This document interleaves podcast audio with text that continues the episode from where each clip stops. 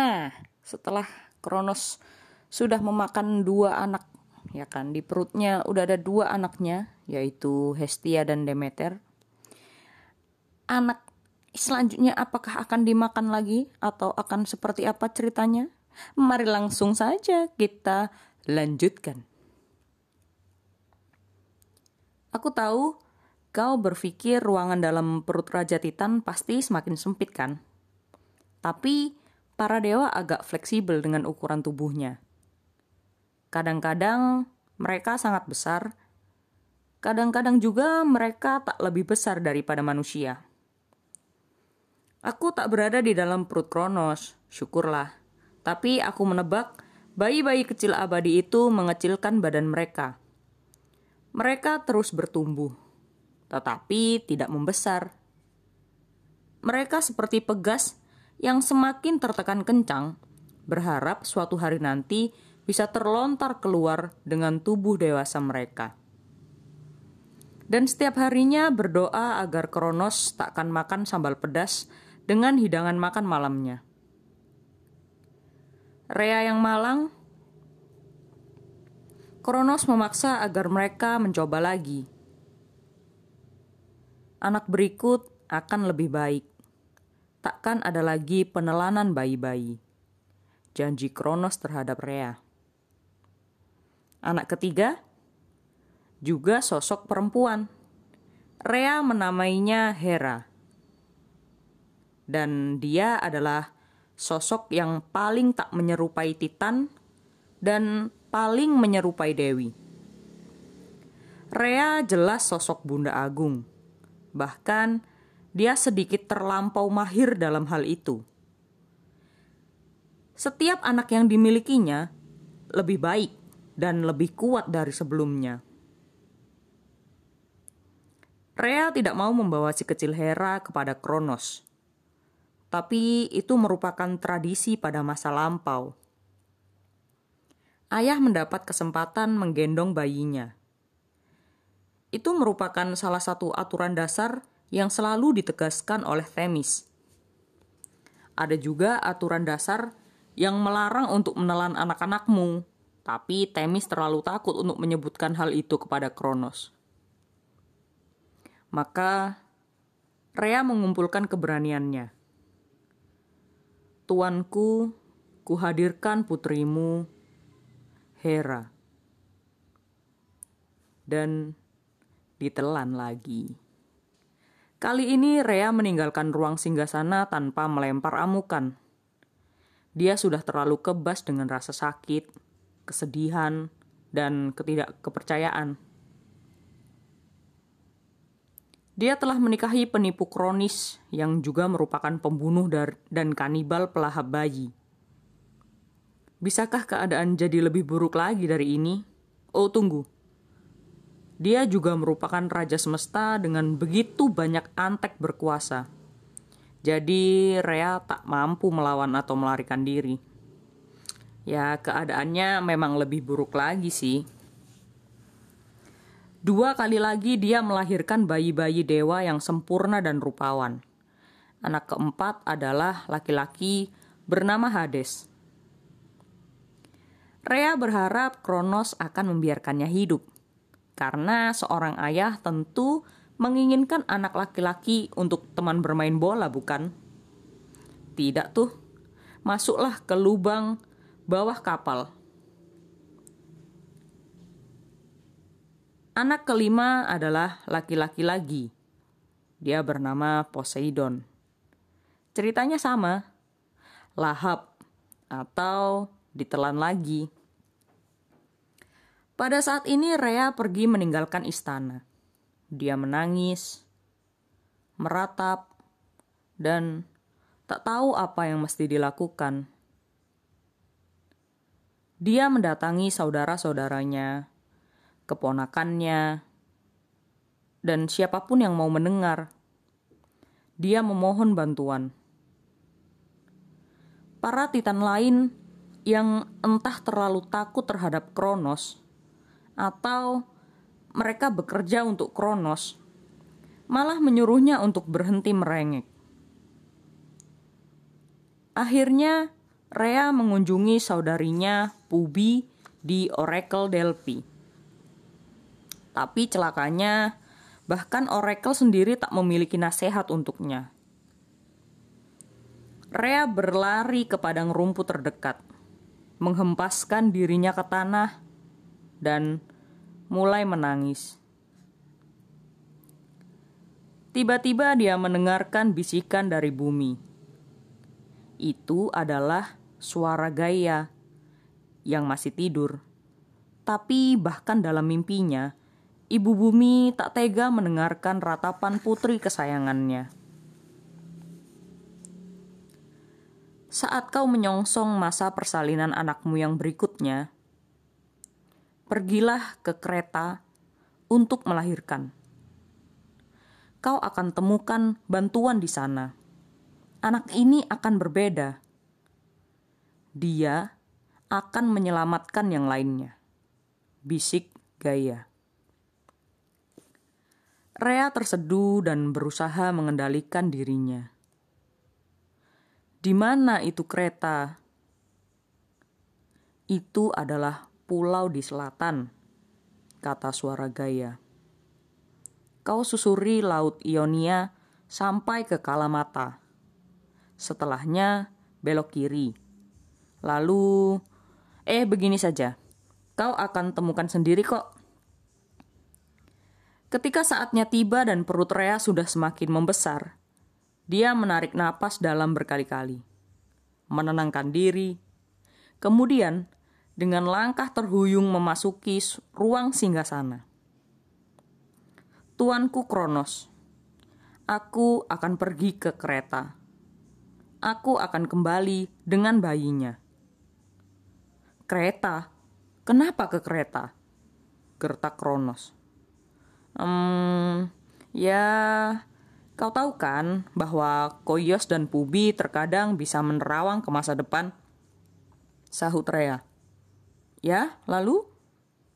Aku tak ingin membocorkan kejutannya, tapi mereka meramalkan bahwa jika aku melahirkan anak ini di kereta, itu akan paling membahagiakanmu khususnya. Dan tentu saja tuanku, aku selalu ingin menyenangkanmu. Kronos mengerutkan dahinya. Dia curiga tapi juga berpikir, Hei, aku sudah melahap lima anak dan Rea masih tetap di sini. Kalau dia ingin mencoba melakukan sesuatu yang mencurigakan, dia pasti sudah akan melakukannya dari dulu. Ditambah lagi, pada saat ini pikirannya sudah semakin lamban. Dia memiliki lima dewa muda di dalam perutnya, saling berebutan tempat, jadi dia selalu merasa seakan baru melahap hidangan makan malam besar-besaran dan butuh tidur siang. Maksudku, lima dewa dalam satu perut. Buset. Itu sudah cukup untuk melakukan pertandingan tenis ganda dengan wasitnya. Mereka sudah berada di bawah sana begitu lamanya. Hingga mereka mungkin berharap Kronos akan menelan setumpuk kartu atau satu set permainan monopoli. Bagaimanapun, Kronos memandangi Rea dan berkata, Kau akan bawakan bayi itu langsung kepada aku, kan? Tentu saja, tuanku. Oke, pergilah. Di mana itu kereta? Um, tidak yakin juga, tapi aku akan menemukannya. Jawab Rea dan dia pun menemukannya. Begitu sampai di sana, dia segera saja ditemui oleh para nim, penolong yang juga telah mendengar suara Gaia. Mereka membawa Rea ke sebuah gua tersembunyi yang nyaman di kaki Gunung Ida. Sungai Paranim mengalir di dekat sana, jadi Rea akan memiliki banyak sumber air segar Hutan yang lebat itu juga menawarkan banyak makanan. Ya, aku tahu. Makhluk abadi biasanya hidup dengan nektar dan ambrosia. Tapi sesekali mereka bisa makan yang lain. Menjadi dewa tak akan ada gunanya kalau kau tak bisa menikmati pizza sesekali. Rea melahirkan bayi dewa laki-laki yang sehat. Dia adalah dewa yang paling rupawan dan paling sempurna dari semuanya. Rea menamainya Zeus, yang bergantung pada siapa yang kau tanya, entah berarti langit atau bercahaya atau hanya hidup. Aku secara pribadi cenderung memilih arti yang terakhir, karena aku pikir pada titik ini Rea mempunyai harapan sederhana bagi anak ini. Menjaganya tetap hidup dan jauh-jauh dari perut yang berbahaya. Zeus mulai menangis. Mungkin karena dia bisa merasakan kegelisahan ibunya. Suara tangisan itu bergema ke sepenjuru gua dan keluar ke dunia. Begitu lantangnya sampai-sampai semua makhluk dan ibu Titan tahu sesosok bayi baru telah lahir. Oh, hebat. Aku sudah berjanji untuk segera membawakan anak ini kepada Kronos. Sekarang berita akan tersebar kepada Kronos bahwa sudah tiba waktunya untuk menelan bayi. Gumam Rea. Lantai gua berguncang. Sebuah batu besar meruak dari tanah. Sebuah batu oval licin dengan ukuran dan berat yang sama persis dengan si bayi dewa. Rea tidak bodoh. Itu adalah pemberian gaya. Biasanya kau takkan senang bila ibumu memberikanmu batu sebagai hadiah. Tapi Rea mengerti apa yang mesti dilakukannya dengan bayi dengan batu itu.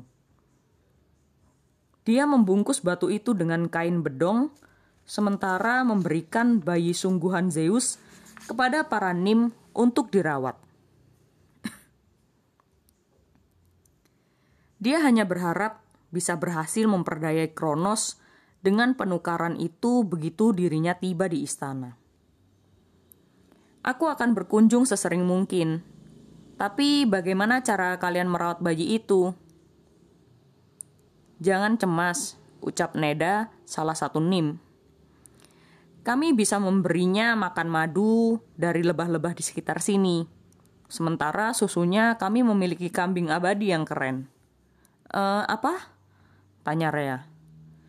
Para nim menggiring kambing mereka, Amaltheia, yang menghasilkan susu kambing ajaib yang enak dalam banyak varian rasa, termasuk di antaranya susu rendah lemak, susu coklat, dan susu formula bayi. Kambing yang bagus, Rea mengakuinya. Tapi bagaimana kalau bayinya menangis? Kronos memiliki pendengaran yang tajam di Gunung Otris. Kau mungkin telah menyadari anak ini memiliki suara yang sangat lantang. Kronos tentu akan curiga. Neda mempertimbangkannya sejenak. Dia menggiring Rea ke mulut gua dan memanggil ibu bumi. Oh Gaia, aku tahu kau sedang tidur maaf mengganggumu. Tetapi kami butuh bantuan untuk melindungi anak ini. Kalau bisa, bantuan yang sangat berisik. Tanah berguncang lagi. Tiga pembantu baru muncul. Terlahir dari tanah dan tumpahan darah Uranus. Juga pria-pria itu berupa sosok manusia besar berambut dengan pakaian bulu dan kulit seakan mereka sedang bersiap menghadiri festival purba jauh di pelosok hutan hujan. Mereka bersenjatakan tombak dan perisai. Jadi, mereka lebih terlihat seperti pemburu ketimbang pengasuh bayi. Kami adalah Kaurete. Salah satu berteriak sekuat tenaga. Kami akan menolong. Terima kasih. Tapi apa kalian harus berbicara sekeras itu? Ucap Raya. Ini adalah suara pelanku. Seru si kesatria. Bayi Zeus mulai menangis lagi. Ketiga kesatria langsung saja menunjukkan gerak tarian suku yang menarik. Menghantamkan tombak mereka ke perisai sambil berteriak-teriak dan bernyanyi. Mereka berhasil menutupi suara tangisan itu. Entah bagaimana, bayi, bayi Zeus tampak menyukai kegaduhan itu. Dia segera terlelap dalam pangkuan Neda sang Nim dan para Kaurete pun berhenti dari aksi mereka. Oke baiklah, ucap Rea, yang telinganya berdengung. Kelihatannya semua sudah terkendali di sini. Dia mengangkat bayi bohongannya dan berkata, Doakan aku berhasil. Begitu dia tiba di Gunung Otris, Rea menyerbu masuk ruang singgasana dengan batu yang dibedong. Dia ketakutan sekali rencananya tak akan berhasil.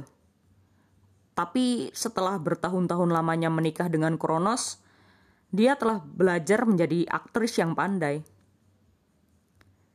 Dia segera menghampiri Raja Kanibal dan berteriak. Ini adalah bayi yang terbaik. Bayi laki-laki bernama um, Rocky. Dan kuduga kau akan memakannya. Kronos mengernyit. Sejujurnya dia tak terlalu bersemangat untuk menelan bayi dewa lagi. Dia sudah kekenyangan tapi begitu kau menjadi raja, kau mesti melakukan apa yang diperlukan. Ya, maaf say, aku terpaksa. Kan ada kutukan itu. Aku benci kau. Rea menjerit. Uranus adalah ayah yang buruk. Tapi setidaknya dia tidak menelan kita. Kronos menggertak. Berikan anak itu padaku. Tidak. Kronos meraung dan membuka lebar-lebar rahangnya dan menunjukkan kemahiran membuka mulutnya yang ekstrim. Sekarang. Dia merenggut bongkahan terbungkus itu dan menjejalkannya menurun, menuruni kerongkongan bahkan tanpa memandanginya. Persis seperti yang diharapkan Rea. Dalam perut Kronos, Kelima dewa muda yang tak dicerna itu mendengar bunyi batu tergelincir menuruni esofagus. Ada yang datang, teriak Poseidon. Mereka bergeser sebisa mungkin di dalam ruang yang sempit itu, sementara Rocky mendarat di tengah-tengah mereka. Ini bukan bayi. Kayaknya ini batu. Hades mulai menyadarinya. Dia memang selalu jeli seperti itu. Sementara itu, di ruang singgasana, Rea mengeluarkan amukan yang patut diganjar dengan piala Oscar. Dia menjerit, mengentak-entakan kaki, dan mengeluarkan sumpah serapah kepada Kronos dengan nama-nama yang tidak enak didengar di telinga. Rocky, tidak. Kronos mulai merasa mulas. Anak itu betul-betul mengenyangkan. Kau beri makan apa dia? Keluh Kronos. Buat apa kau peduli? Aku takkan pernah mau melahirkan anak lagi. Rea mulai merintih. Tapi itu tak masalah bagi Kronos. Dia sudah kekenyangan. Rea berlari meninggalkan ruang singgasana sambil menjerit-jerit, sementara Kronos tidak berusaha menghentikannya. Pada akhirnya, kondisi di istana menjadi tenang. Kronos kini meyakini dia telah berhasil menangkal kutukan Uranus. Tak mungkin anak-anaknya bisa menggantikan posisinya, karena dia tahu persis di mana mereka berada.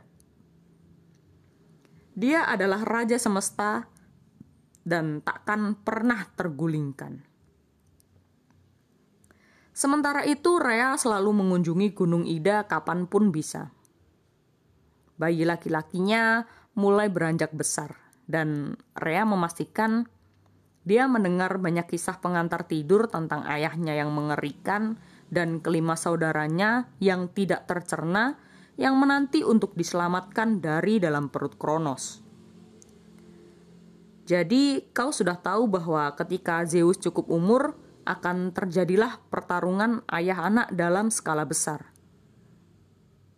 Nah, itu adalah cerita terakhir tentang Kronos memakan anak-anaknya. Jadi total ada berapa tuh tadi? Ada lima dewa ya kan di dalam perut Kronos dan ditambah satu batu. Nah apa yang terjadi ketika batu itu ditelan sama Kronos? Nah nanti akan ada di kisah selanjutnya yang berjudul lain. Nah, setelah ini ada bab 3 dengan judulnya Dewa Dewi Olimpia menghancurkan beberapa kepala. Nah, tuh.